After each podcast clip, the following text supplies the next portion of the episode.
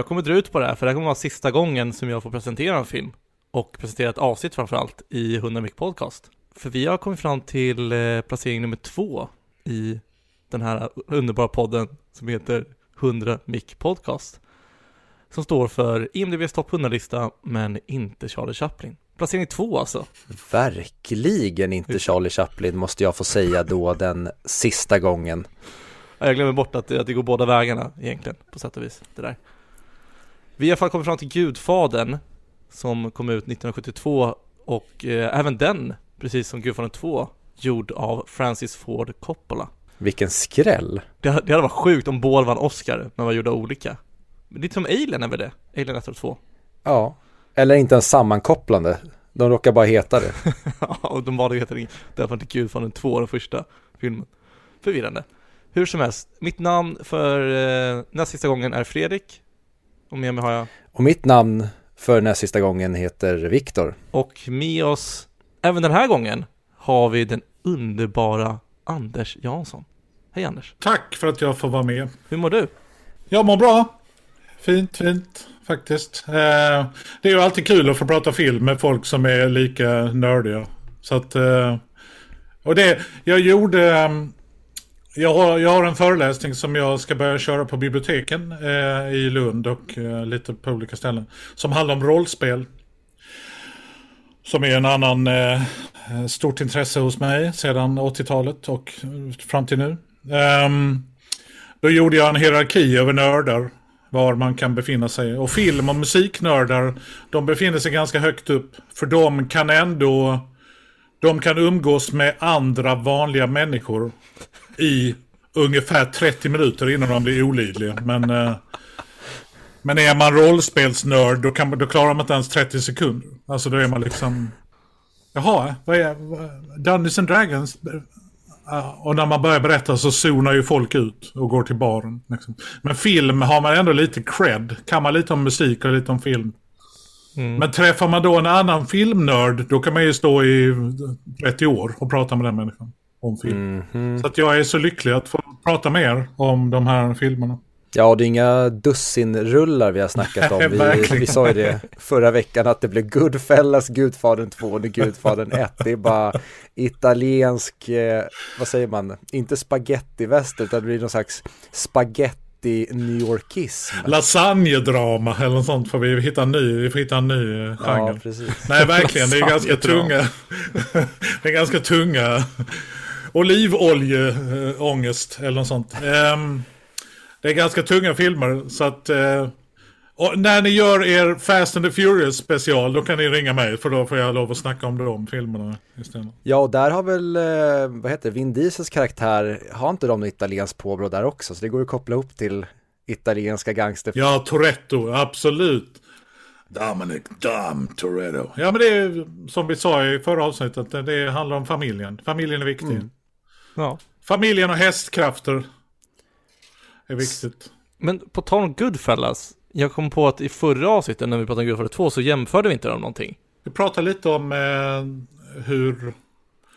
Att de är lite olika. Ja, men just att, det var ju faktiskt så här att Francis Ford Coppola föreslog ju att Martin Scorsese skulle regissera Gudfadern 2.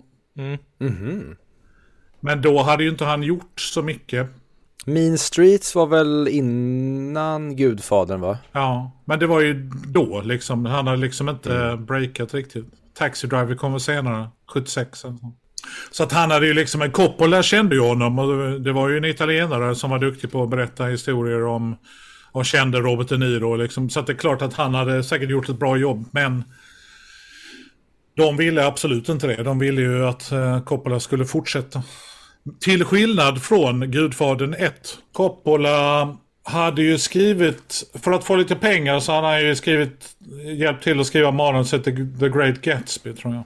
Uh, så hans aktier stod ganska högt vad gäller liksom manusbiten. Men de var ju inte alls övertygade om honom som regissör för Gudfadern. Boken hade ju inte riktigt tagit fart.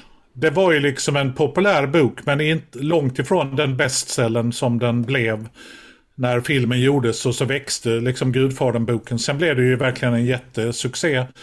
både boken och filmen. Men det var ju inte riktigt den där liksom eh, bestsellerboken när de började planera för filmen. Men Coppola, de var ju så osäkra på honom så att de hade ju typ en regissör som var på inspelningsplatsen som skulle i princip kunna ta över när som helst. Ganska mm. jobbig, ganska jobbig, jobbig förutsättning liksom. Det är lite som att fo spela fotboll och se på avbytarbänken att någon börjar liksom värma upp. Nej, nej, nej, nej, okej, gör mål, gör mål, gör mål. Så att, eh, och Coppola pratar ju om första veckan på Gudfadern gick bra. Alltså det var liksom en bra vecka. För de gjorde typ scenen där Michael skjuter Solozzo, ni vet, på restaurangen. Mm. Och det var några andra scener som också var liksom lite klassiska scener sådär. Men trots det så kände de... Först var de ju ganska upprörda att Marlon Brando stoppade typ bomull i kinderna och, och mumlade under hela filmen. Liksom. Och sen blev de ju ganska chockade av att den var så mörk, alltså rent fotomässigt. Liksom. Så att de låg, han var ju ganska ansatt liksom på Gudfadern, den första filmen. Det var en ganska jobbig upplevelse har han berättat för honom. Um, han var inte alls så trygg liksom som han var i tvåan. Um, så att, uh, men han lyckades, han lyckades hålla kvar jobbet helt enkelt. Så att, uh... Ja, för tydligen, han skulle ju bli sparkad typ ja, men strax innan helgen. Mm. Eh, för att de hade förstått att, de, de tänkte att ja, men vi ger honom jobbet för att han kommer vara lätt att kontrollera. Mm. Och så visade det sig att nope, han var inte så lätt att kontrollera. Och då blev det någon slags påverkansoperation att alla skulle göra det jobbigt för honom så att han skulle se upp sig själv. Men då hade han tydligen fått något meddelande om från någon, något brev eller något där det bara typ stod att vad du än gör, säg inte upp dig själv, låt dem säga upp dig. Så att det blev nästan som en maffiasituation i filminspelningen att vad, vad du än gör, det blir bara, det är politik här, säg inte upp dig själv. Och sen så, ja, som du sa, så, så blev han kvar och till slut så löste det sig. Men han var ju väldigt hårt ansatt och Marlon Brando, han fick ju köra ner, han fick ju till och med lura studion att ta med honom. Mm. För att han var så problematisk och ingen ville arbeta med honom mm. där och då, men han ville så gärna ha honom. Mm. Och då så fick han hoppa runt bland studiohuvuden och eh, ja, men praktiskt taget lura dem, för det slutade med att de sa efter mycket om och men och nästan garvat honom i ansiktet och sagt nej, nej, nej, Marlon Brando kommer aldrig vara med i den här filmen så länge vi sköter studion. Så sa de okej, okay, men då ska han betala en en miljon i eh, någon slags försäkring för att han eh, har en tendens att fucka upp saker och han ska provfilma och då kom ju, eh, vad heter han, eh, Coppola på den briljanta idén att Gud, hur ska jag få Marlon Brando att provfilma? Jo, men jag gör så här, jag åker över till honom och säger att jag vill testa lite grejer, att vi bara ska leka lite med karaktären. Och sen så åkte han över till eh, en av studiocheferna med det materialet och de blev helt knockade av och bara alright, vi kör på Brando. Så det tycker jag också är en så cool liten story också om hur det var problematik redan innan det ens hade dragit igång. Ja, och liksom man inser ju på många av eh, filmerna, eh, och det gäller nog filmer genom alla tider tror jag, framförallt i, liksom i Hollywood men även i Europa, att det är så mycket politik liksom i, mm. för att få en film gjord och vem som ska göra vad och vem som ska skriva och vem som är chef just nu och sen blir han sparkad och så är det någon annan som kommer in. Och det där är ganska intressant. Just att eh, ibland är det ju verkligen att stjärnorna måste stå rätt. Eh, filmstjärnorna i det här fallet kanske. att för att en film ska bli av. Och sen är det så liksom. Sen att en film dessutom ska bli riktigt bra. Då måste ju så mycket annat stämma liksom. Men jag tycker Coppola, han är, han är ganska pragmatisk i när han pratar om de här. Att ja, det var ganska jobbigt att göra Gudfadern, ärligt talat. Och sen gjorde jag Conversation och då fick jag lite självförtroende. Och sen gjorde jag Gudfadern 2. Och sen gjorde jag Apocalypse Now och den har jag liksom inte återhämtat mig ifrån än idag. Liksom. Så att han, men han, det är liksom, ja, det var för jävligt men så är det helt enkelt. Och eh, det är det på något vis. Han är, han är ganska liksom jordnära när han pratar om de här filmerna som, man, som hade tagit koll på vem som helst. Liksom, och var under den pressen. Liksom. En grej som jag säger när jag glömmer det för filmnördar så ska man antingen läsa men hellre lyssna på Robert Evans bok. Robert Evans som var chef för Paramount när Gudfadern gjordes. Och som gjorde Chinatown och Rosemary's Baby och liksom en ganska ja, duktig producent. Han räddade ju Paramount med Love Story till exempel. Men han har gjort, skrivit en biografi om sitt liv. Den finns som en dokumentär också. Men ljudboken, då är det han som läser in. Och han har en sån gudomlig whiskyröst. Och den heter The Kid Stays in the Picture. Och den ljudboken, eh, dokumentären är också skitbra. Men där får man också en inblick i de filmerna som kom i början på 70-talet. Bland annat Gudfadern och eh, Chinatown och många av de filmerna. Så den, som ett litet eh, komplement till Gudfadern och Coppola så kan man lyssna på eh, Robert Evans bok. En mycket, det är nog en av de bästa ljudböckerna jag hört för den är så otroligt rolig med honom när han läser. den. Man kan se honom när han sitter och röker cigarrer och dricker whisky och läser in den. Den är ett litet boktips. Den är väldigt intressant. Man får liksom en annan perspektiv på han tar åt sig ganska mycket äran av mycket och Coppola säger att nej men han var inte alls inblandad i de besluten. Så att man, man, man, får ju välja själv men vem man tror på liksom. Jag läste någonstans att, eh, att ge extra cred till Coppola och hur de här filmerna är gjorda. För vi, vi nämnde det till eh, Gudfadern 2. Alltså detaljerna och hur, hur äkta allting är. Att bilarna i den här filmen ska tydligen ha eh, deras, alltså deras bumpers ska vara av trä. Jo, man hade det man hade träbumpers innan man fick den riktiga bumpern. Så att när man, fick sin, när man fick sin nya bil så hade de inte alla de riktiga bumpers utan de, ja men de är på väg, de är på lagret men de kommer. Så folk körde runt med sådana träbumpers innan de fick sin riktiga bumper helt enkelt. Så det är vissa bilar som har en sån träbumper, det ser väldigt coolt ut. För jag tänker att just sådana här saker, att få en film så pass äkta är ju egentligen inte så svårt. Det är bara man lägger mycket energi på det. Det svåra är att få en film vara så äkta och att få den så jävla bra handlingsmässigt och allting annat. Att få allting att gå ihop. Absolut. För det känns annars måste du lägga så mycket energi och pengar på att det äkta så att allting annat eller mycket annat faller bort. Ja men verkligen. Jag tycker att det där märker man ju kan jag känna när man som ni och jag tittar på mycket film då tittar man inte bara på regissörerna utan man tittar ju på fotografer och production designers och eh, costume designers och castingmänniskor och det är ju Många av de här människorna följer ju regissörer, man följer ju med en regissör mm. på många filmer. Och här hade han ju liksom Dean Tavolaris, den här greken som är den här production designern som lyckades skapa alla de här miljöerna. Och Gudfadern hade ju inte en jättehög budget. Den blev ju dyrare som många filmer av den här karaktären. Men den, Gudfadern 2 hade ju mer än dubbel budget eh, jämfört med Gudfadern 1. Liksom.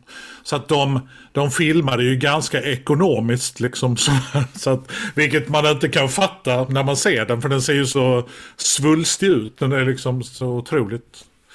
Hade han samma person i den här som, som var med och gjorde Apocalypse Now? Ja, några av dem. Eh, Gordon Willis, fotografen, var ju inte med på Apocalypse Now. Jag tror att det var Vittorio Storaro, den annan duktig fotograf. Så han bytte ja. nog lite gäng. Tavolaris kanske var med. Eh, det kan jag tänka mig. Ja, det var han. Jag tror att det var några, några var, hängde med och några inte. Det är ganska kul om man liksom väljer att jag har gjort det några gånger i mitt liv när jag har kollat typ på alla Gordon Willis filmer. Och, så man får liksom en fotograf, eller om man, William Goldman, om man tittar på alla manusfattaren William Goldman, att man tittar på de filmerna han är känd för. För då kan man också se liksom teman eller vilka perioder där de var som bäst eller ville berätta om det här eller det. Liksom. Så det, det kan man göra om man har tid. Ja.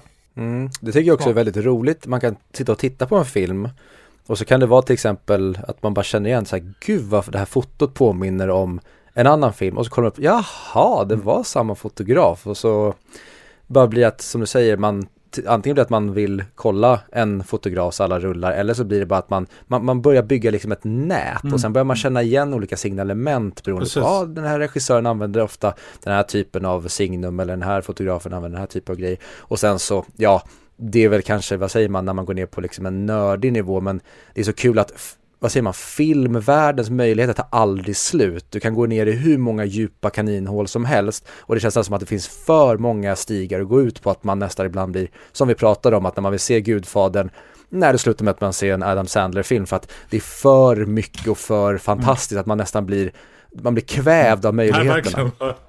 verkligen. Verkligen. Nej, men det är ju jag menar, när man ska välja böcker. Jag har fortfarande inte läst Krig och fred till exempel. För att den, den står ju i min bokhylla och bara väntar. Nu då, kom igen, ta mig, nu, läs mig. Du har hela sommaren, du har covid, för fan, du har inga ursäkter. Nej, jag tar något annat. Jag tar en bok jag redan har läst tre gånger. Jag tar Elmer Ja. Leonard istället. Det är lättläst. Men eh, det är samma sak med film. Man måste verkligen... Ibland måste man vara på humör. Därför är det bra att vara med i er podd, tänker jag. För då tittar man ju på filmerna Alltså ur ren research-syfte. Liksom, då behöver man inte känna så mycket utan "Nej, jag måste bara titta på denna nu så att jag kan prata om denna när vi ses. Det är pistolhot. Mm, verkligen. Aldrig fel. Nej, det är det, det bästa sättet att få någon att göra något känner jag. Nej men alltså det, det finns ju både en charm och eh, någonting dåligt med det. Jag vet inte vad man brukar säga. Men eh, för det är vissa filmer som jag aldrig hade sett om inte jag gjorde den här podden. Men som jag verkligen säger, wow, den här filmen ändå fångade mig ganska snabbt. Den här var ju ganska intressant. Ja, men säg Goodfellas till exempel, det är en film jag har hört talas om flera gånger, jag har inte sett, hade nog kanske antagligen inte sett den heller. Men älskar att jag har sett den, för jag tyckte verkligen det var en underbar film. Ja men absolut. Jag brukar göra så med en, eh, en kompis att eh, vi har gjort så att till exempel, ja nu, Alex som har varit med i, i podden här tidigare, till exempel jag har aldrig lyssnat på Pink Floyd, jag har ju hört, ja men hittarna helt enkelt. Men då körde vi en kväll där han körde en Pink Floyd kväll för mig. Där han bara matar mig med liksom, här får du den bästa introduktionen in i Pink Floyd. Och de grejerna kan jag tycka är helt fantastiska för att jag har sparat på Pink Floyd under alla år för jag tror att det är någonting jag kommer gilla men som alltid så här, nej jag tar det vid ett annat tillfälle, jag slår på Britney Spears eller vad det nu än är för att det är så jäkla enkelt att bara ta sig igenom. Men när man får den, när man, när man tar tag i det eller någon annan till, liksom, kan introducera en för det och den liksom vågen som sköljer över den är ju ibland oslagbar när man bara känner att gud vad det här var fantastiskt på ett sätt som man aldrig hade kunnat föreställa sig och då så känner jag med, ja men ta Gudfadern till exempel, att den känns för tung för att starta men när man väl har gått igenom den så är det bara så här wow.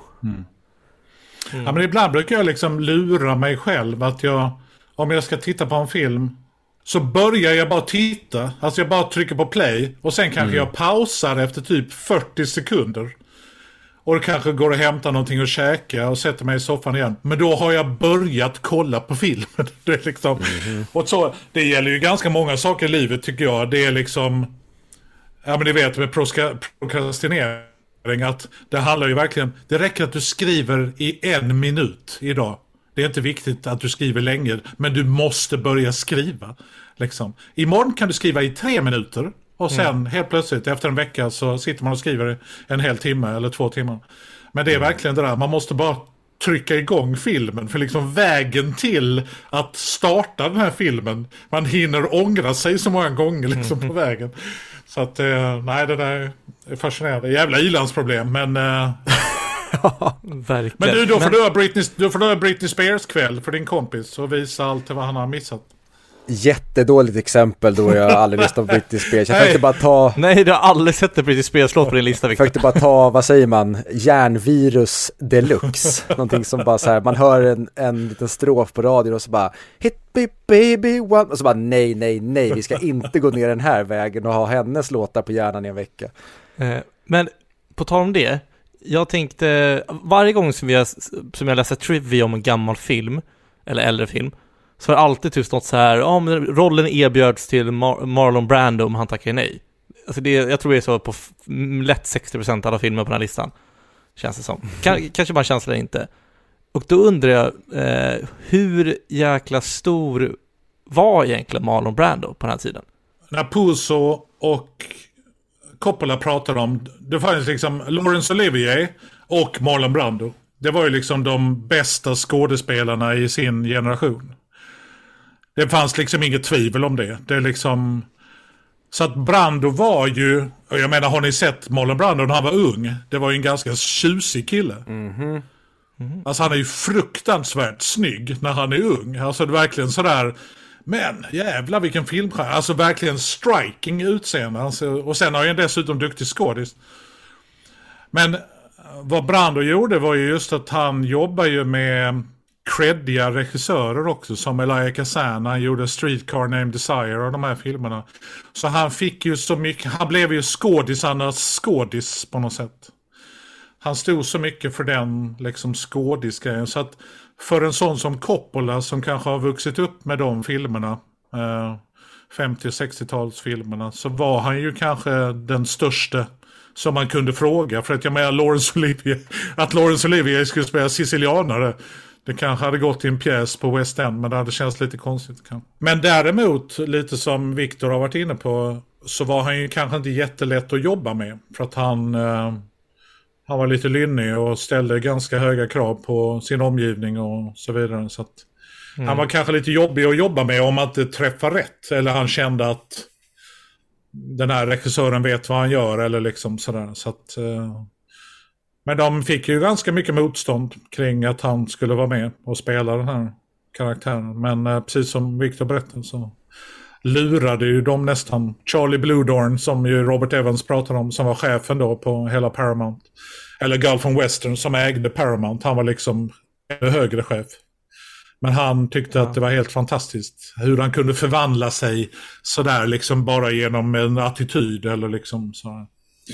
Så att, eh, nej men det är ganska kaxigt. Men sen var det ju eh, väldigt många av de andra som också, det var frågetecken kring Al Pacino och De Niro. Ja, De Niro var inte med i denna, men eh, James Caan och liksom Robert Duvall, de var ju ganska unga allihopa liksom. Så att, eh, men de provar ganska många skådisar. Ja, Robert De Niro var ju, eh, han var tydligen eh, väldigt nära att landa rollen som Sonny, men de kände att mm. Khan hade mer den här stubinen, han hade lättare att tända till och det Precis. behövde de för karaktären. Mm. Så att när de sen pratade om honom för då rollen som den unga vita så var det redan så här, jo men han var ju vi har redan haft med honom att göra. Han var ju nära att landa rollen som Sonny.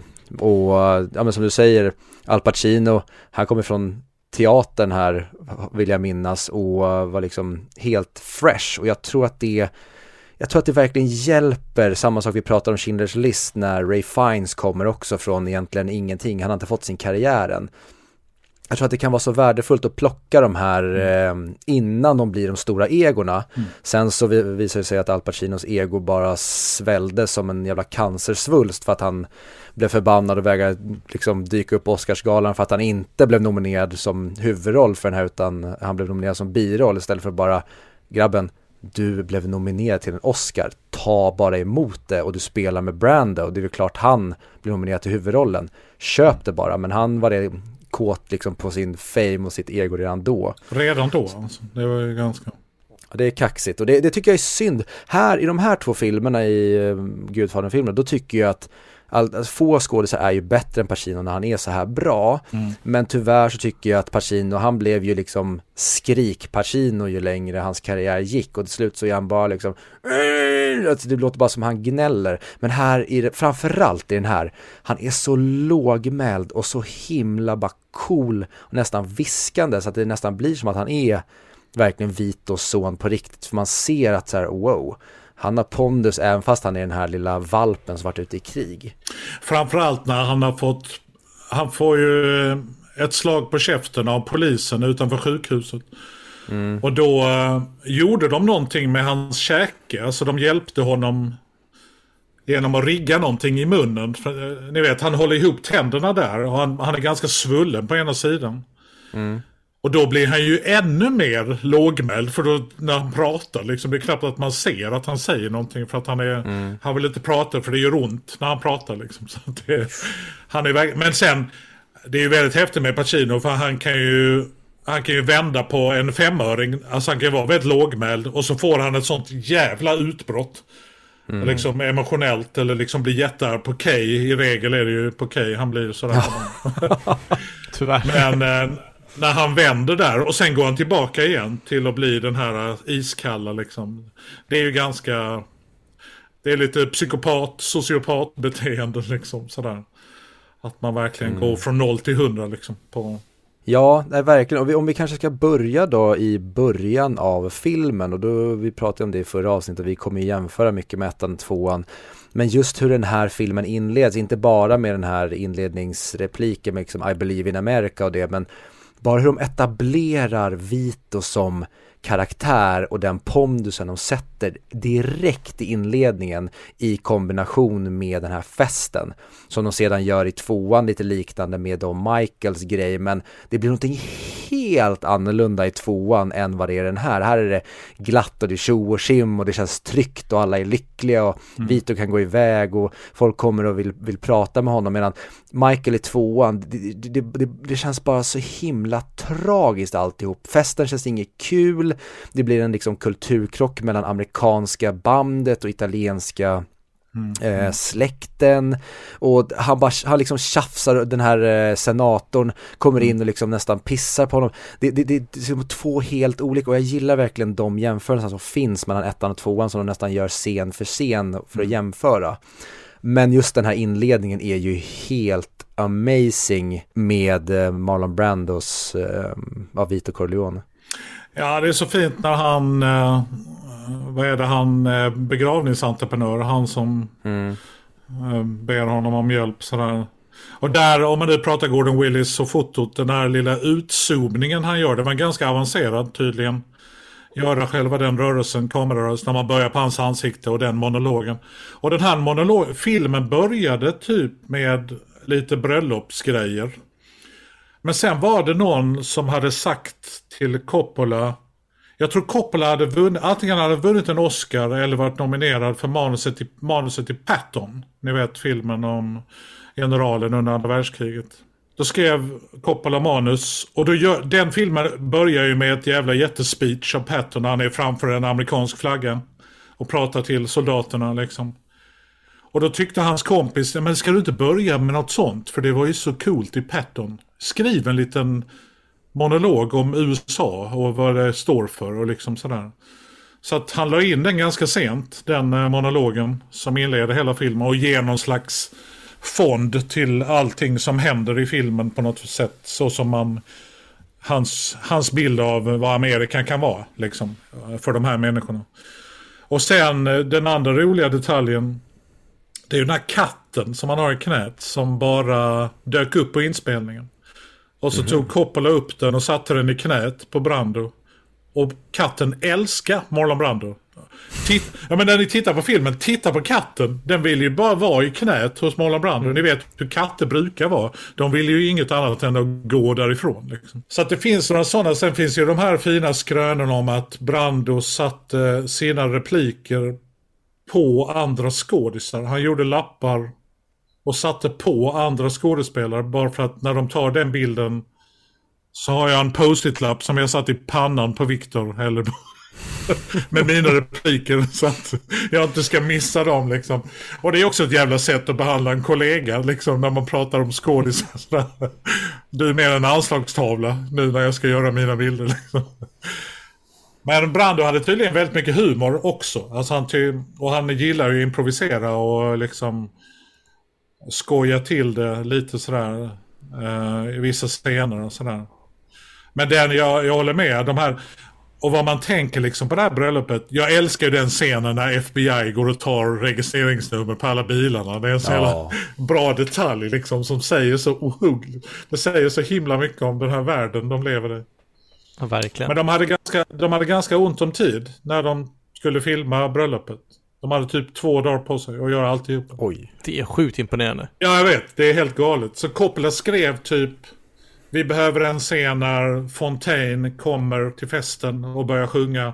Vi behöver en scen där den kommer till festen och vi behöver en scen där man ser de två. Så de gick verkligen och plockade liksom bild för bild. Men man blir ju ändå lika imponerad för det känns ju alltid som det är 200 statister strax utanför bildrutan liksom. Ja, den är helt fantastisk. Vilken stämning man sätter i början på filmen. Ja, och vi har pratat om det tidigare Fredrik, det här med världsbyggande. Mm. Den här världen de etablerar direkt, hade det varit mycket mer småskaligt och det inte hade varit den här enorma släktens fest och det och att det känns så påkostat fast mm. det liksom inte är i närheten lika påkostat som tvåan. Då kanske den här bilden hade liksom kunnat fallera. Men den här filmen känns som att världen är verkligen på riktigt. Vi är mitt inne i den här bröllopsfesten. Det är inga statister, det är inga skådespelare. Allting känns bara organiskt och de har bara tryckt in en kamera mitt på festen. Mm. Ja, det är mycket, mycket bra gjort. Själva kontorsscenerna, det gjorde de typ i New York i någon studio. Så det gjorde de liksom separat eh, från festen sådär. Och man ser ju aldrig riktigt när de knyter ihop. Man ser ju när Luca Brasi sitter utanför och övar sitt tal han ska tacka för, eller vad det är. Det är ja. Brassi va? Det är så vad han säger.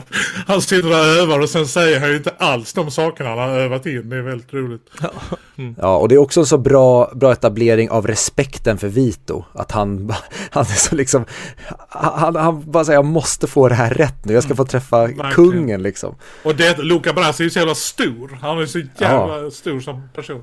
Så man tänker ju verkligen att han går in och typ böjer huvudet för kungen liksom. Nej, den, är, den berättar ganska... Och han berättar ganska effektivt om alla medlemmarna i familjen. Liksom, tycker jag också. Ja, alltså det, är verkligen, man, man, förstår dynamiken väldigt snabbt, man förstår vad som är viktigt. Det, det går bara pang på, även fast den här filmen är väldigt lång, så får du grepp om vad det är som sker väldigt fort och sen så, vad är det, han blir skjuten en halvtimme in va, mm. eh, Vito. Och då känns det redan som att det nästan pågått en, en timme för att vi har gjort oss av med den här etableringen så himla fort utan att det känns stressat. Mm. Ja men filmen är ju ganska lång om man nu tittar på den här restoration-versionen som jag har tittat på i alla fall. Vad som är intressant med denna filmen är, ni vet ibland när man tittar på filmer så kan man tycka att fan vad mycket denna filmen hann med. Mm. Mm. Och så tittar man på en annan film som är lika lång men gud vad den kändes stressad och jag fattar aldrig riktigt vad den handlar om. Alltså förstår ni? Det, mm. Berättarteknik är så häftigt tycker jag för att det kan upplevas så fantastiskt olika liksom beroende på vad man fokuserar på eller hur man väljer bilder. Men mm. denna filmen är ju ganska lång men den känns aldrig lång och man får en känsla av att man har sett tre eller fyra filmer tycker jag. Det händer så mycket i den. Trots att den är så långsam så är det så många ikoniska scener som liksom bara radas upp liksom efter dem. Och.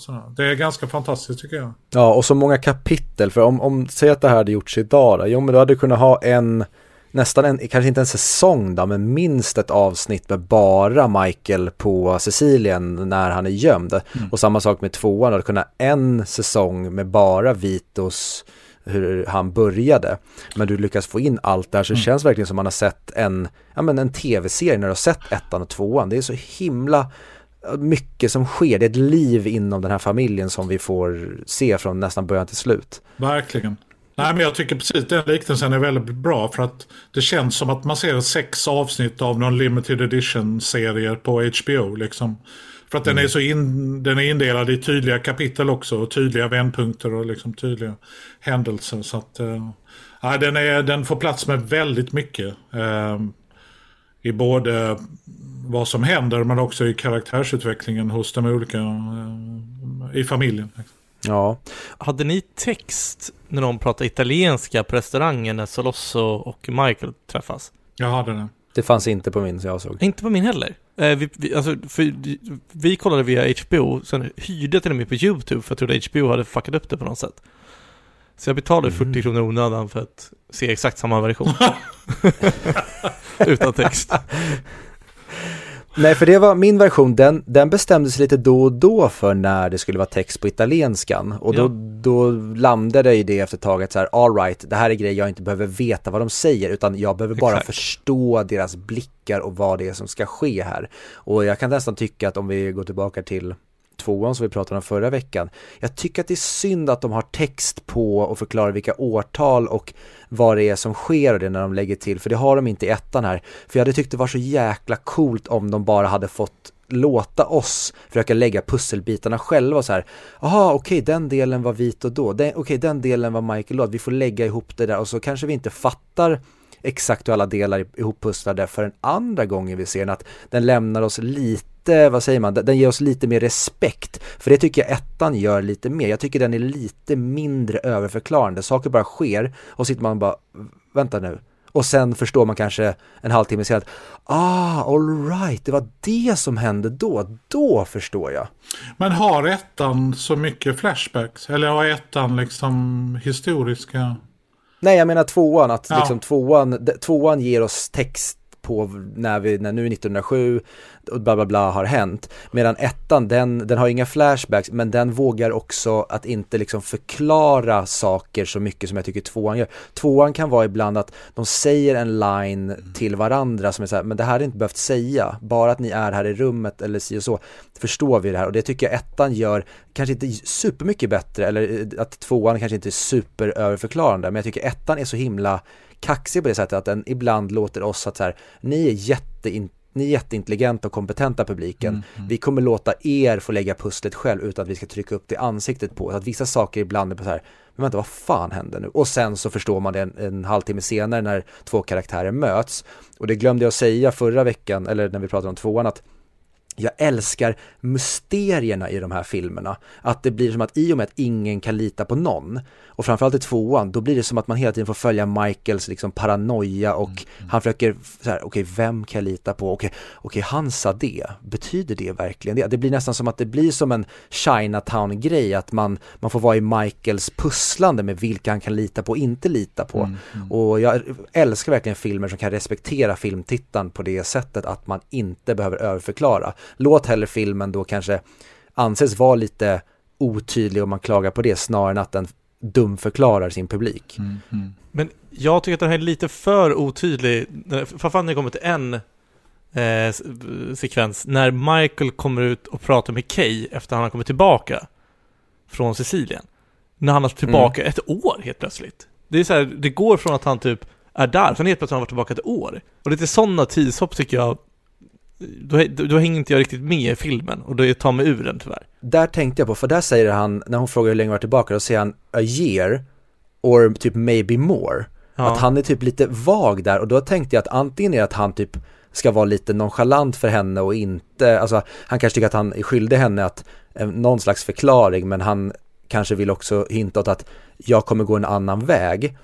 Eller så är det att han har varit tillbaka ett år men att han inte bryr sig. Den, den, den, är luddig och jag gillar det för då finns det ytterligare grejer man kan börja liksom så här, vad fan, hur, hur menar han med det där? Och har Michael en plan från början när han gifter sig med den här kvinnan på Sicilien? Eller blir det bara någonting han bestämmer sig för där och då? När bestämmer han sig för att liksom bli en del av familjen? Jag tycker den här filmen är så bra på att inte ge oss tydliga svar som att så här, musiken dånar upp och bara du, du, du, här blir han liksom Michael Corleone, nu blir han kronprins som ska ta över sin pappas roll, utan det kommer små grejer till höger och vänster hela tiden och så växer han in i det här och den är så slow burning. Ja men sen, man får ju inte riktigt se hur hennes död påverkar honom. Coppola visar ju sällan när människor går runt och är deppiga på något sätt. Alltså, det, utan det är, man måste liksom ta tag i saker och nu kan du inte, ja man får sörja. Och det är det jag tänker att det är det han kanske har gjort under det året på något sätt. Att mm att han blir... För att han gifter sig med en sicilianska. Han vill ju vara lite som sin pappa på något sätt. Jag kan tänka mig att han vill vara... Att det känns så naturligt för honom. Men när Gud då bestämmer att nej, du ska fan inte få vara lycklig, hon ska dö ungefär. Hur påverkar det honom egentligen? Det får vi aldrig liksom, man får ju liksom aldrig ta del av det riktigt, känner jag. Och det är det, när han kommer fram till Kay så kan jag se på Al Pacino, eller jag kan åtminstone tolka det han, att det har hänt någonting. Lite som du är inne på Victor, man vet inte riktigt vad som har hänt, men det har hänt någonting. Och för mig är det lite grann att han har gått igenom en sorg och kanske insett att nej, men det livet kanske inte är för mig, utan jag måste lösa det på ett annat sätt, liksom, på något vis. Jag vet inte, mm. men det är, det är ganska häftigt det där att kunna vara liksom ambivalent och lite... Att det inte bara blir utropstecken utan det får vara lite frågetecken och man får sitta och fundera själv liksom. När man har sett filmen.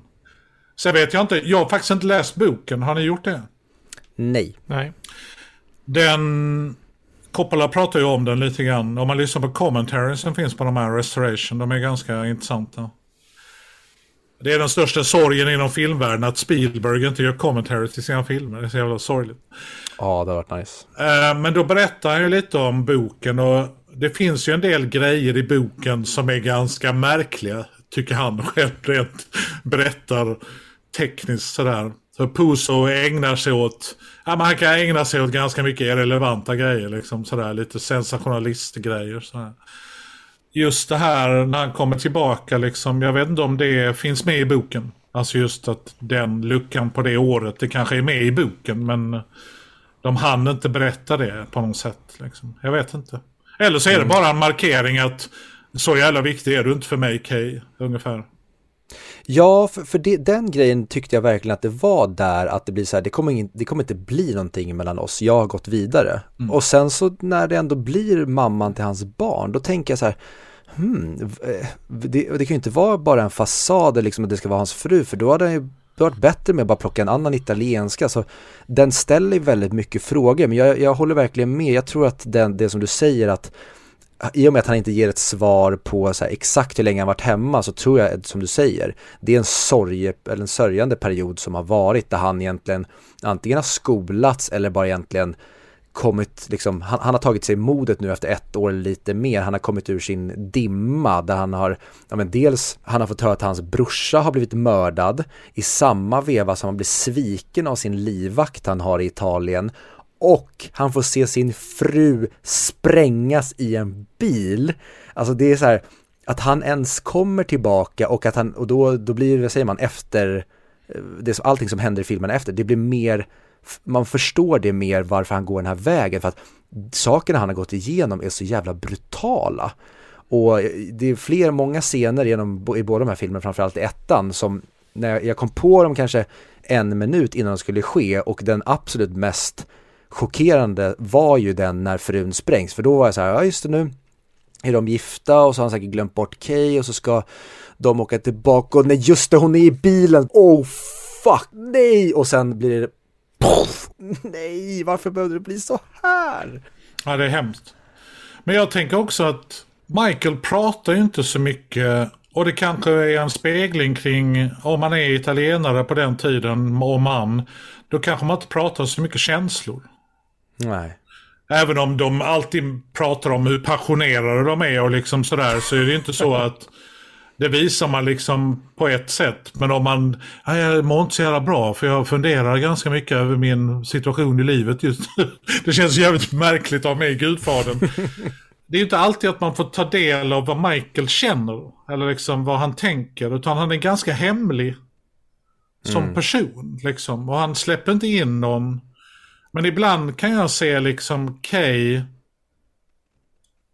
som hon är Michaels enda sätt att inte bli sin pappa. Hon är den enda som inte tillhör denna världen. Så hon är liksom som en livboj för honom att få ett normalt liv på något sätt. Och jag tror liksom när han var då krigshjälte och träffade Kay första gången så kan jag tänka mig att det fanns ändå 10% av honom gött. Hon är inte italienska. Utan hon står för någonting annat. Liksom. Han kanske inte medvetet tänkte det, men det kan, hon har kanske varit den här, äh, ja men med henne så kanske det inte blir så som jag misstänker att det kommer att bli. Alltså just att jag försöker, jag försöker stoppa mitt eget öde, men sen inser han liksom i slutet på tvåan att nej det går inte. Så jag får stänga ute henne. Hej då, nu tar jag barnen och nu kan du gå hem ungefär. Och det är just att den här som du säger, Viktor, just att varför blir han tillsammans med henne igen? Och varför får de barn igen? Liksom sådär. Och det blir så allvarligt. Ibland undrar jag, ja det känns ganska märkligt att det blir så. Men jag vet inte om det liksom är en av hur man liksom försöker hitta psykologin hos Michael och varför han gör det han gör liksom på något sätt. Ja, sen tror jag också det kan vara från hans sida då att det är egentligen den enda gången vi får se honom lycklig i ettan, det är ju när de är tillsammans innan han är insyltad i familjen. Han kommer till festen med henne och vill att hon ska vara med på bilden för att där känns han ganska säker på att min framtid, jag har varit i kriget, det var inte liksom mina brorsor, jag kommer syssla med någonting annat, jag har gått på college, jag är ihop med en amerikanska. Han vill ju bli amerikanaren och det blir han ju sen i tvåan, för tvåan är ju egentligen lik liksom Vitos vad han har byggt upp men han har amerikanifierat allting, han har nästan plockat bort liksom allt italienskt heritage från det, han har mm. flyttat mm. liksom saker till Nevada och de är mycket i, i Miami, det, det känns verkligen som att tvåan blir liksom the, the, American Godfather medan ettan känns mer som the Italian Godfather. Mm, mm. Och jag tror att det kanske, som du säger, blir någon slags livboj och att det kanske blir en påminnelse om att jo men Kay, hon var i alla fall där i mitt liv när jag var jätte när jag var lycklig på väg någon annanstans och hon kanske kan bli som ett ljus i mörkret men som till slut det, det här ljuset räcker inte på långa mm. vägar för det är bara kolsvart så långt vi ser. Mm. Ja men exakt. Ja men så det är ju liksom ett sätt att se det på. Precis som du säger att det är the American dream som han ju realiserar då i tvåan egentligen. Genom att eh, köpa hotell och kontrollera kasinon och eh, mer bli någon typ av entreprenör. För de pratar ju också om att Kennedy-klanen var en ganska stor inspiration till Mario Puzo när han skrev boken om Corleone. Liksom. Mm. De hade också sitt ursprung som vi nosade på i förra diskussionen. Just att de tjänar ju pengar på Prohibition och Joseph Kennedy hade ganska mycket kontakter i den organiserade brottsligheten också. Och, liksom, och det hade ju även Jack och, och Robert Kennedy. Det fanns ju, och Frank Sinatra som ju då någonstans representerar Johnny Fontaine i i filmen Gudfadern. Får man väl nästan mm. inspirerat i alla fall av. Han hade ju också sina eh, kontakter i Chicago-maffian med Sam Giancana och hela det gänget.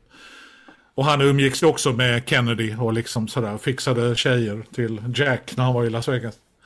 Så att det finns ju någonting om the American dream och att kanske till slut bli guvernör, senator, president. Liksom. De pratar ju om det i filmen att när de ska bli legit liksom. Och att se en Corleone som president kanske är den yttersta drömmen. Ja, men säger inte Vito det också vid något tillfälle att han hade andra planer för, jo, precis. för Michael? Ja. Att det skulle bli någon med senator och honom. Och det är ju också en grej som också filmen gör så bra, det är ju att allting raseras ju när Vito är då, eh, ja men i, i koma i film, men när han efter han har blivit skjuten, när då Sonny tar tag i grejer, det är väldigt mycket som raseras där som Vito har byggt upp som han sen då måste reparera men skadan är redan skedd. Mm. Och jag, jag tänkte verkligen på det nu när jag såg den att jag tycker Sonny var så otroligt jobbig hela tiden med att, nej men lugn nu, ditt temperament kommer sabba här nu, allting är väldigt, väldigt skört nu, speciellt när, när pappan är skjuten och efter sjukhusscenen, det är när Michael ska flytta honom som är en av mina favoritscener i hela filmen när vi pratar om det här med tempo, att det känns jättestressigt och de rullar hans eh, säng så långsamt, så långsamt för att han inte ska ta skada och man är så stressad. Och det, det är verkligen att långsamt bygga upp en stress. Men just jag, jag tänkte att, jag, jag, tyckte Sonny var svinjobbig. Men så fort han försvann, då kände jag att helvete, de är ju redan skadeskjutna med pappan svag. Mm. Sonny behövs verkligen, han är så jäkla stark och viktig person i den här familjen. Och det blir verkligen det på tjack i tvåan, när familjen känns helt trasig och det är bara Fred och Conny och Michael kvar, men de i princip hatar varandra. De är bara där på grund av att de råkar samma föräldrar, men de har ingen annan koppling till varandra och det är verkligen pitch black. I ettan finns det ändå liksom den här hoppfullheten ganska länge där saker känns ändå tryggt men det blir värre och värre bara ju längre det går och tvåan är bara som att hej, här har en extended edition på all skit du fick se i slutet på ettan. Mm. Nej men sen är det ju med Sony man brukar ju liksom i berättelser och filmer och eh, klassiska om man är, lever man ett våldsamt liv, alltså den som lever med svärdet ska med svärdet döda. Så att Sonny dör ju en sån otroligt våldsam död. Liksom. Oh, shit. Så, och jag börjar alltid gråta när Marlon Brando tittar på honom. Och säger They've massacred my boy. Hela den, alltså där, jag kan inte låta bli att gråta där. För han säger det så jävla han, den repliken bara ligger så otroligt vackert i hans mun liksom. Men eh, Sony är ju verkligen ett typexempel. Inom diplomati så pratar man just om att inte göra någonting är ju också att göra någonting. Just att, mm. och det Sony representerar ju verkligen den här hetsiga, och vi får se varför han inte kan bli gudfader. Liksom. För han besitter inte de han besitter inte den coolheten som du måste ha. Nej. Och som Michael då besitter liksom. För att Sonny ser stark ut på utsidan. Men han är alldeles för hetlevrad och liksom temperamentsfull för att klara att bibehålla relationer och odla kontakter och liksom det som egentligen är en gudfaders största liksom styrka kanske. Men det har ju Michael i sig och det är liksom man kan ju se när Sonny dör liksom att nej, han kunde inte bli det ungefär. och han dog så som han liksom levde lite grann. Nej men scenen på sjukhuset är helt fantastisk. I, och det är ganska intressant. Coppola pratar just i kommentarien om hur George Lucas hjälpte honom ganska mycket med den scenen. Sa till honom att när du har filmat att de drar sängen Låt kameran rulla i några sekunder så vi får bilder på tomma korridorer. För det är så du klipper upp suspens. Du måste visa en tom korridor när Michael tittar. Då måste du ha en tom korridor och sen tittar han åt andra hållet. Då måste du också filma en tom korridor. För det är med de eh, byggstenarna som vi bygger den här scenen. Liksom. De bilderna är precis lika viktiga som den bilden när de drar sängen. Liksom. Mm. Och det var lite kul att höra just hur George Lucas han visste vilka bilder de Vi måste ta de här bilderna för att annars kan vi inte klippa detta. Liksom. Det var, lite, det var lite roligt. Ja, det tycker jag även de gör sen filmen igenom, att det är inte scenerna där det händer någonting som är de mest stressfulla, utan det är när det är för lugnt. Det är så här, mm. men vänta nu, nu är det alldeles för, nu, varför är det så tomt, varför är det så tyst? Det här känns inte bra. Och sen så kommer de fram med världens jävla ultraviolence där de bara visar när folk blir skjutna i kinder och glasögon skjuts igen. Det är alltså varenda, och vi pratade om det Fredrik i eh, Saving Private Ryan där vi tyckte att de hade väldigt förnuliga mord eller död när folk dör i den filmen. Det här är ju verkligen det också, att varje gång det används våld då är det väldigt visuellt och det är väldigt påhittigt varje gång. Ja, varje döds eller mord har någonting. Mm. Alltså antingen visuellt eller på ljudspåret eller liksom location eller vad det är. Men vad som är intressant med våldet i Gudfadern är att det kommer från ingenstans. Alltså det kommer ju verkligen precis som du säger, när det är som lugnast. Mm. Om det är någonting man har lärt sig av Gudfadern så är det ju att inte sitta på passagerarsätet i bilen. Liksom. Utan, Ja, men jag kan ligga i bakluckan, det är mycket säkrare i bakluckan. Jag lägger mig i bakluckan. Nej men då har man sett Goodfellas istället. ja, precis. Exakt, okej. Okay. I baksätet. Jag tar en egen bil, jag cyklar, ja. eller jag går. Vi får se. Vi ses där, jag kan ta tunnelbanan. Att, att, att sitta i passagerarsätet på en jävla maffiafilm. Nej, det är inte bra. Nej men det du säger, det är så jävla coolt för att ni vet när de, jag vet inte vem det är de men när de är i en bil och så sparkar han sönder rutan. Kommer ni ihåg? Ja, det är ju eh, maken va? Ja, just det. Eh, Talia Shires man, ja, precis. Ja. Det är så jävla brutalt när hans fötter sparkar sönder rutan. Ja. Det är så fan, jävlar. Ja, men för, för det, alltså, sen, däremot så tycker jag att när eh, Sonny ska spö, ska spö på honom på gatan, den scenen måste ju ha varit stressad, känns det som. För det var ju någon gång man ser att hans knytnäve är någon decimeter från ansiktet. Ja. En meter bort. ja, tyvärr. För det, det hade, det var, den scenen var jag verkligen svintaggad på. Så här, yes, nu ska Sonny ge den här jävla wife-beaten vad han tål. Och sen bara, ja. nej. Bara, som du säger Fredrik, man ser att han inte träffar på långa vägar. Och sen ser man att han inte tar i många sparkar. Och där känner jag att Sparken, där kanske inte den här vida vinkeln gör sig bäst. Där kanske man behövt gå lite närmare. Och jag, jag hade velat ha någon, någon råhet över den där. Alltså jag hade velat att det skulle komma lite mer blod och lite mer visa att Sonne är verkligen här uh, hotheaden. För den där tycker jag bara kändes för mycket teaterpjäs för mig. Jag håller med. Nej, de skulle kanske ha gjort det på ett annat sätt. De kanske skulle ha mm. gömt det eller lagt kameran på ett annat ställe. Liksom, så att man inte fick den där luft, luftsvingen som man verkligen ja. får i något läge. Ja. Då är det ju mycket mer brutalt tycker jag när mannen misshandlar systern. Ja, oh. verkligen. Med bältet. Det är ju mycket, mycket köttigare. Alltså riktigt sådär. Och där sitter ju Coppola och kommenterar detta. Det är ju hans syster liksom. Så att han... Ja, det där är ganska jobbigt att titta på när någon misshandlar min syster. vänta, är, är Talia Shire, det är Coppolas syster? Mm, precis. Ah, coolt. Mm. Ja, det finns, jo, men det finns alltid i ita italienska filmfamiljer. Oh, it's my nephew, he's my brother. Det är alltid någon. Men... Hans pappa har ju gjort, ja, inte filmmusiken, men pappan har ju gjort alla låtarna.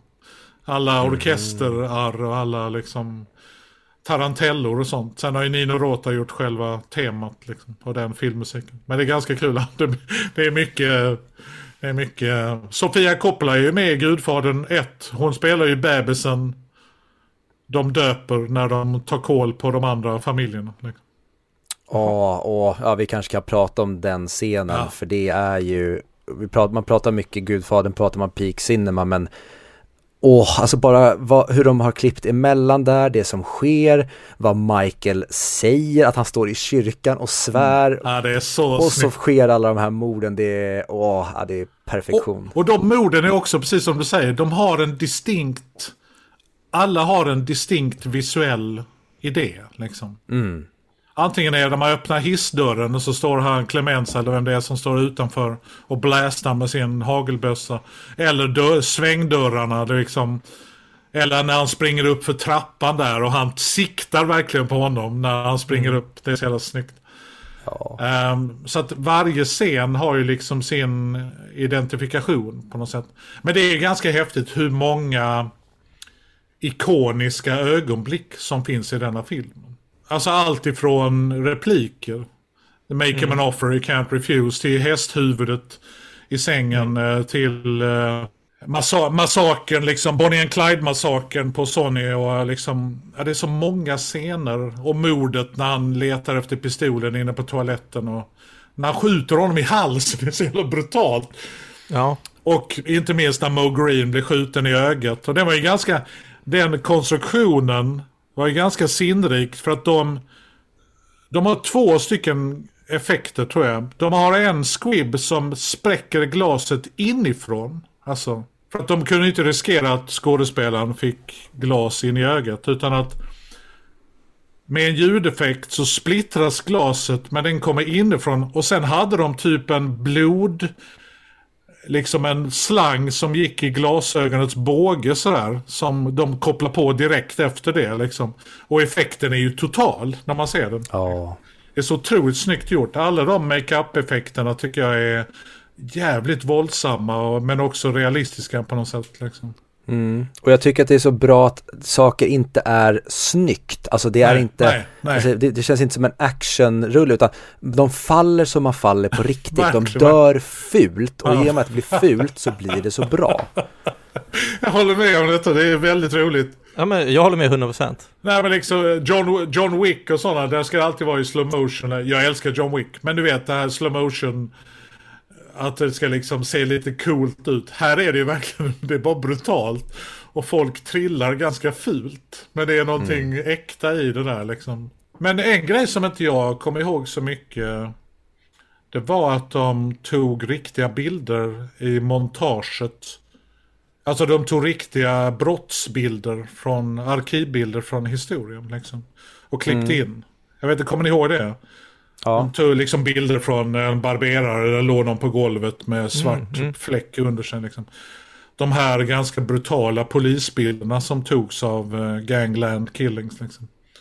Men det kommer inte jag ihåg att de använde i den sekvensen. Det var ganska intressant. Ja, men det kommer jag ihåg, för där frågade vi om, eller det var någon som frågade mig om det här var based on a true story. Eh, just när de kom upp, för det kändes som det. Men, när vi, jag såg den här filmen med två vänner på en söndag när vi var lite småtrötta.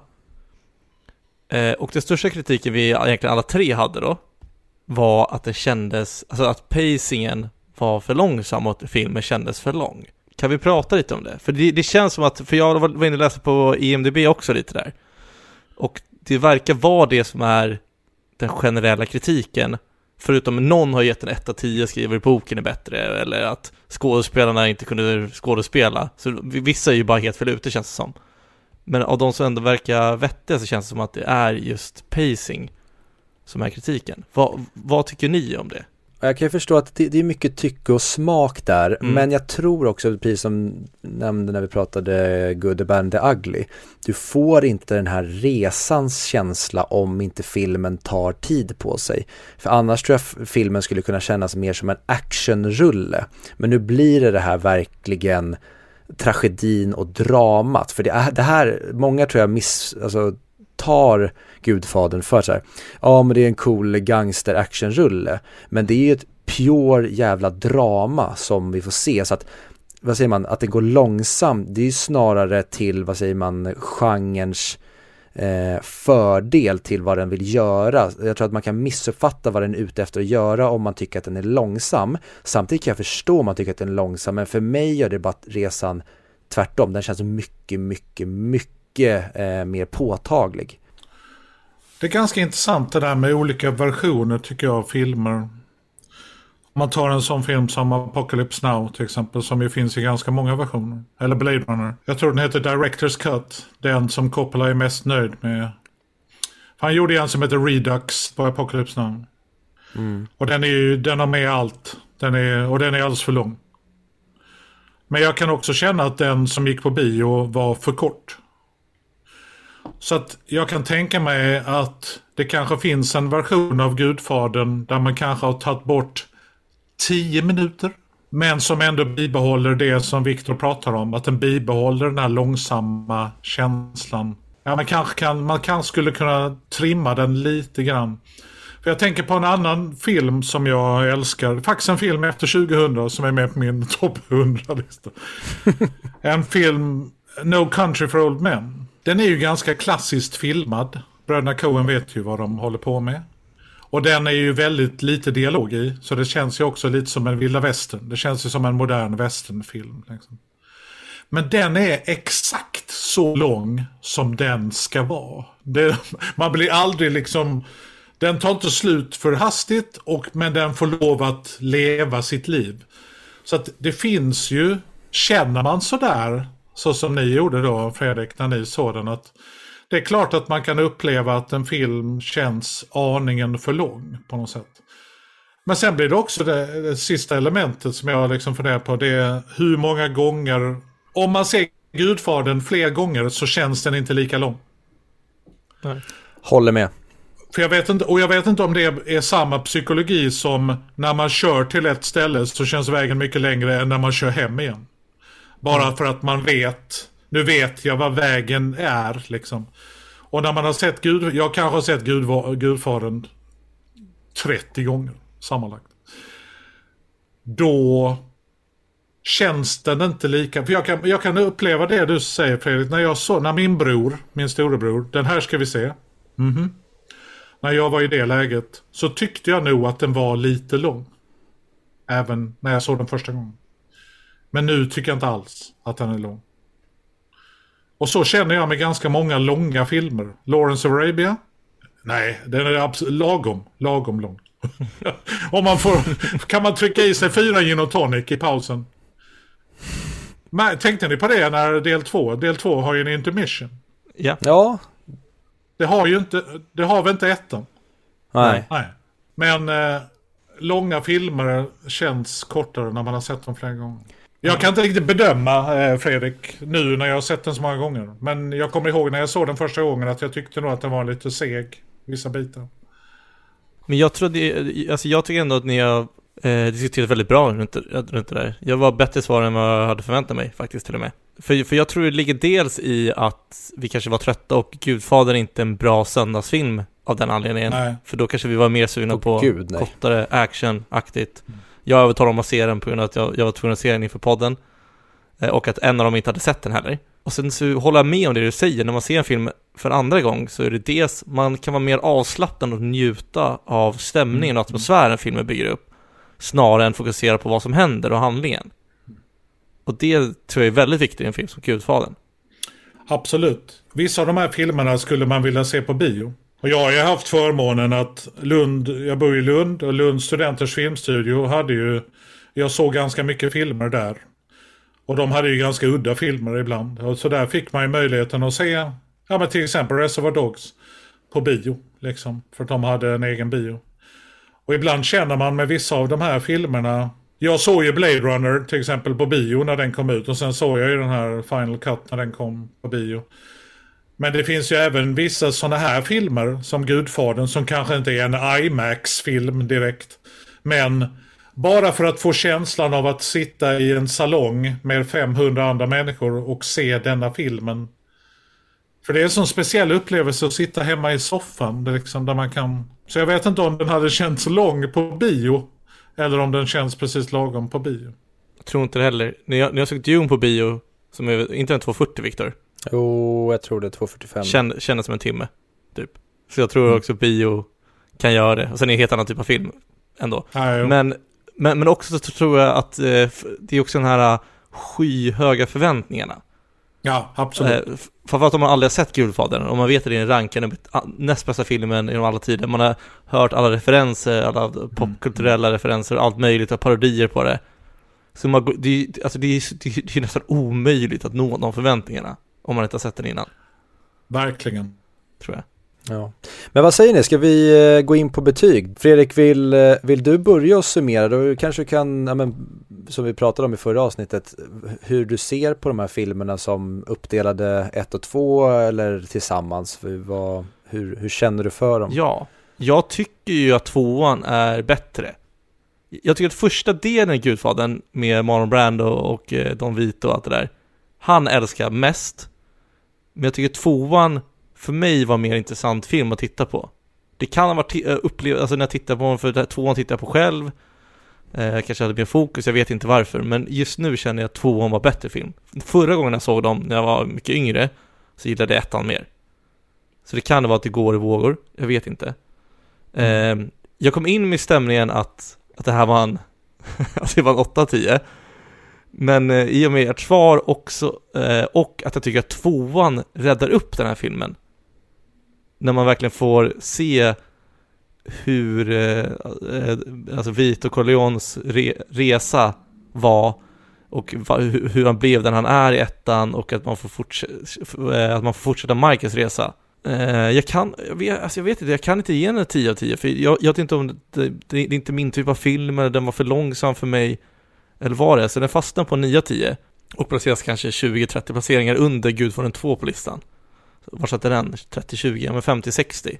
Det är fortfarande en otroligt jävla bra film, men det är inte en fullpottare för mig nu. Jag tror att som vi pratade om innan, att jag måste ge en chans till äta lite pasta och köttbullar med tomatsås innan, öppna en flaska italiensk vin och se den en gång till. Och då så tror jag att den verkligen har, både den här och tvåan, en chans att komma och bli fullpottare. För jag menar, alla egentligen eh, ikoniska scener och sägningar från de här filmerna jag vet inte, alltså det kommer inte komma så många fler filmer som har samma effekt som Gudfader 1 och 2 har haft tror jag, på filmvärlden. Mhm. Intressant. Ja men då kan jag eh, ta vid och så får Anders eh, avsluta. Eh, nej, jag, jag köper det du säger Fredrik och jag tror verkligen att det, det, Gudfadern är en film, precis som vi har pratat om flera filmer på den här listan som de gör sig bäst andra, tredje, fjärde titeln när du lärt känna dem lite grann som riktigt bra låtar. Att du Mm. inte riktigt kanske känner till melodin i dem från början och då blir det så här, okej, ja det här var väl bra men jag förstår inte storheten med just den här låten. Jag tänkte ta, vad heter det, Life on Mars men det är ett jättedåligt exempel för den känns som den catchar den direkt. Men just det att Gudfadern behöver växa på en, du behöver nästan lära känna den för att den ska verkligen fastna på en och jag kände verkligen så den här gången nu när jag såg om den att Oh my god vad jag njuter av det här. Och jag ville alla att den skulle ta slut för att jag visste alla bitar skulle komma och vart den skulle landa. Så jag tror verkligen att det är en film som gör sig bättre om du inte ser den på bio när du, om du ser om den typ tre fyra gånger. Men just om du skulle se den på bio, ja men då har du inte elementet att pausa eller liksom grej, då, då är det bara, nu är det in for the ride, du får inte ta upp mobilen, du bara, nu kör vi på, då tror jag den skulle göra sig bättre än om man ser den hemma i soffan. Det är verkligen en biofilm för mig och jag tycker att det är en av de bästa filmerna som har gjorts och jag landar definitivt i 10 av 10 på ettan, 9 av 10 på tvåan men totalt tillsammans så blir det som otroligt nice miniserie som vi Mm. pratade om att det är bara en lång berättelse om den här familjen som jag ja men det är, om man ska prata om filmduo som, som jag tycker där uppe, men då kanske det är, jag gillar Batman Begins och Dark Knight, jag gillar eh, Blade Runner-filmerna. Eh, det finns säkert, säkert hur många exempel som helst men det här är verkligen peak cinema som vi har pratat om och jag sätter väl den här kanske på 20 eller 30 mick för jag tror att jag har fler filmer som ligger mig, mig varmare om hjärtat men den här bara så här, det här är vad filmskapande är när du gör allting noggrant, ordentligt, det är mörkt, det är hopplöst, det är tragedi, det är så jävla bra bara. Jo, men jag har ju sett den här filmen så många gånger och i olika åldrar liksom.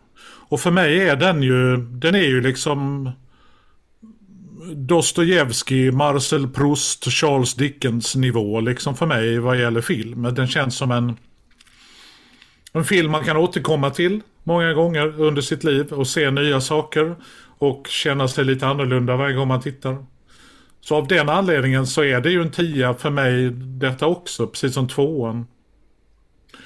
Um, och jag liksom, jag försöker, ibland försöker jag analysera liksom varför, varför gillar jag vissa typer av filmer? Vad är det för filmer? Varför har jag de här liksom högst upp? Och varför är de med? Och för mig handlar det väldigt mycket om hjärta framför hjärna liksom, när jag tittar på film. Så att en sån som Stanley Kubrick är liksom inte min favoritregissör. Jag kan tycka att hans filmer är, ja, kul exempel, jävligt skicklig. Och Wes Anderson lika så. Det är lite för snyggt för mig. Det är liksom lite, vi pratar om det här om att dö fult. Det finns, det är lite för stilistiskt. Det är för mycket liksom, jag vet inte, det är för mycket hjärna bakom vissa grejer. Därmed med det sagt så The Shining är liksom en av de filmerna som är med på min topp 100 till exempel. Men jag har inte med liksom andra, jag har inte med Clockwork Orange, jag har inte med den, vissa av alla hans andra filmer. 2001 tycker jag är jävligt seg och jag fattar inte riktigt vad fan den handlar om. Men så att jag går mycket på hjärta och känsla liksom. Och där tycker jag någonstans att Coppolas filmer, både Apocalypse Now och de här framförallt, kanske inte så mycket conversation, den är lite mer brainy sådär. Men också bra som film.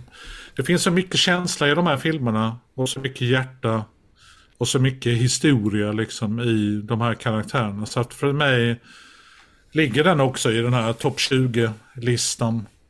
Det kanske liksom inte är en sån film som jag känner att jag älskar den filmen. För där har jag liksom mer, där är mer Raiders of the Lost Ark och Star Wars och Back to the Future och ni vet alla de filmerna som kom i början på 80-talet mm. som sagt.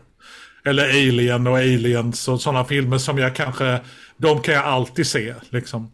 Mm. Men däremot så, Gudfadern vill jag ha med mig liksom till en öde ö, för jag vet om att jag kommer se, kunna se den minst 30 gånger till liksom, i mitt liv.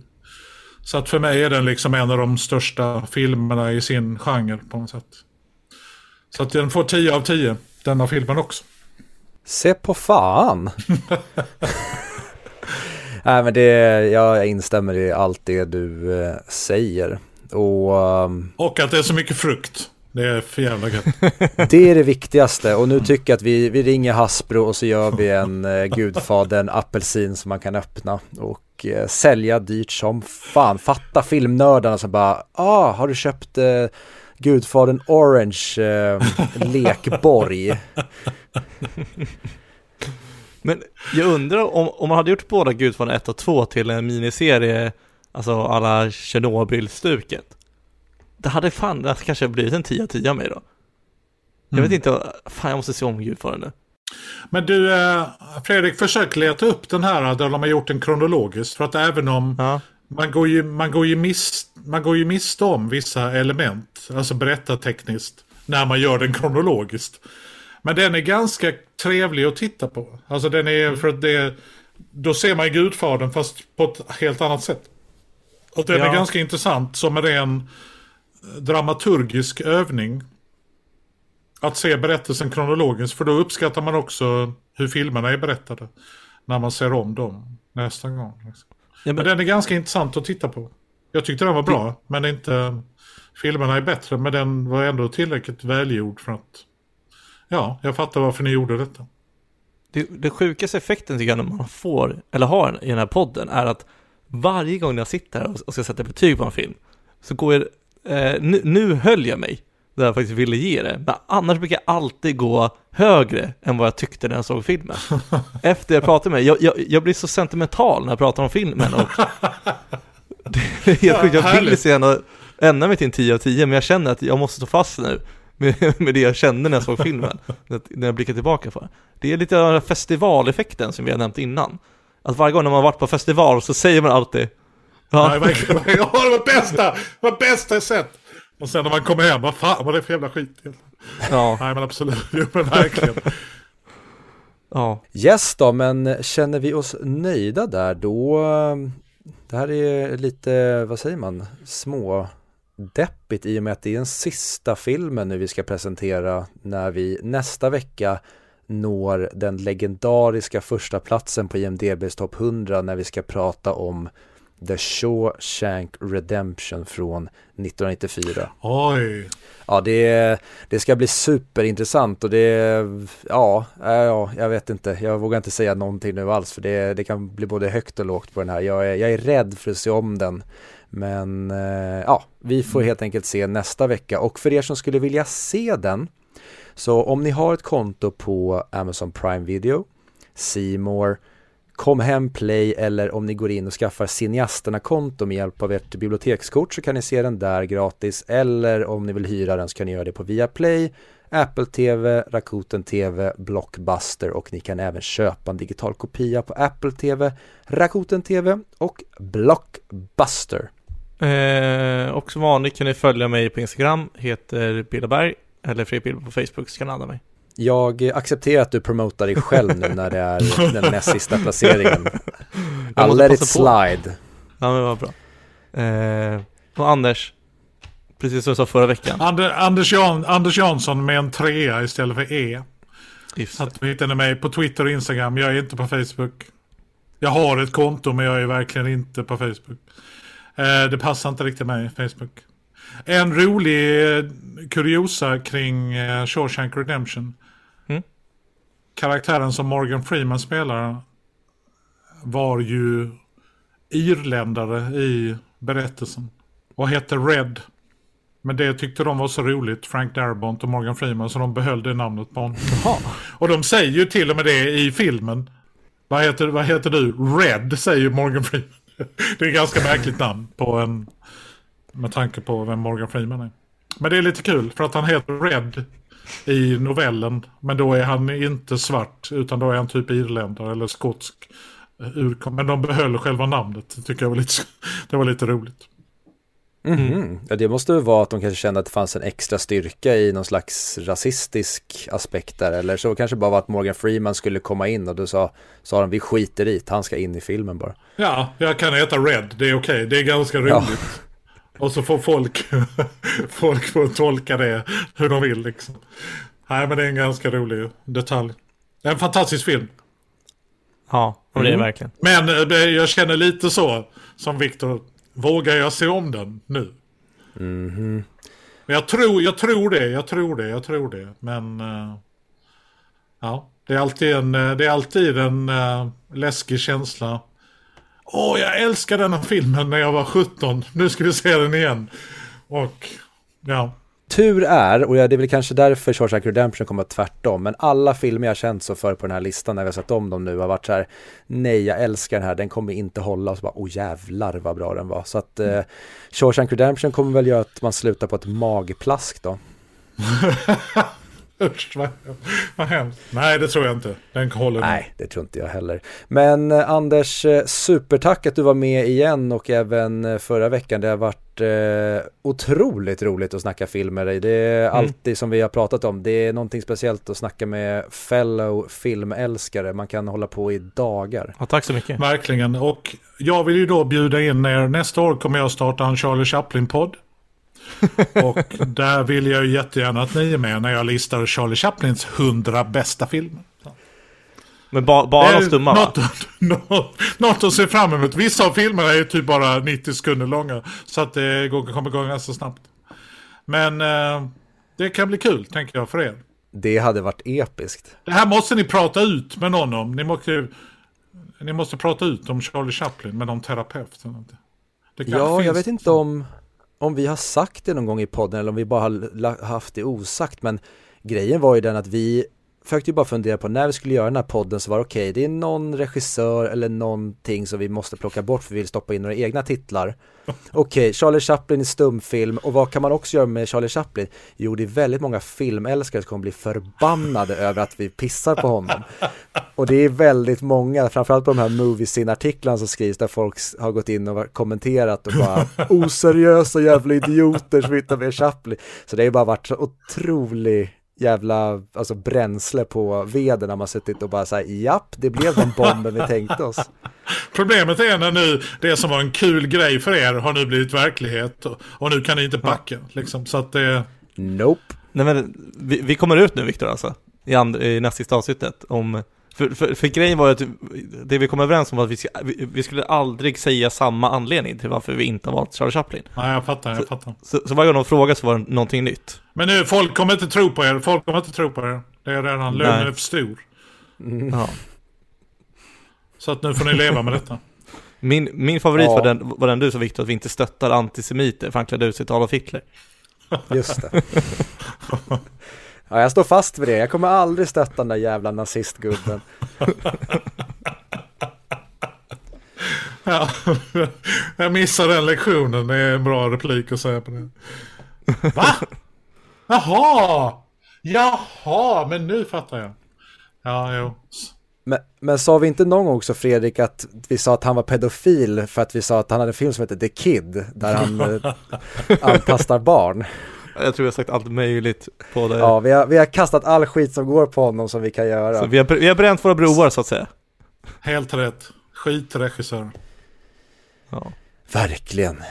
Nej, återigen superroligt att snacka med dig och eh, det hade varit väldigt roligt att prata om Charlie Chaplin i en framtida Charlie Chaplin-podd. vi får se, vi får se. Men hör av er när, nästa gång ni vill prata film. Definitivt, Absolut. definitivt. Då, ja, för näst sista gången då Fredrik, i alla fall på listan så säger vi vad då? Harakiri. Harakiri. Harakiri.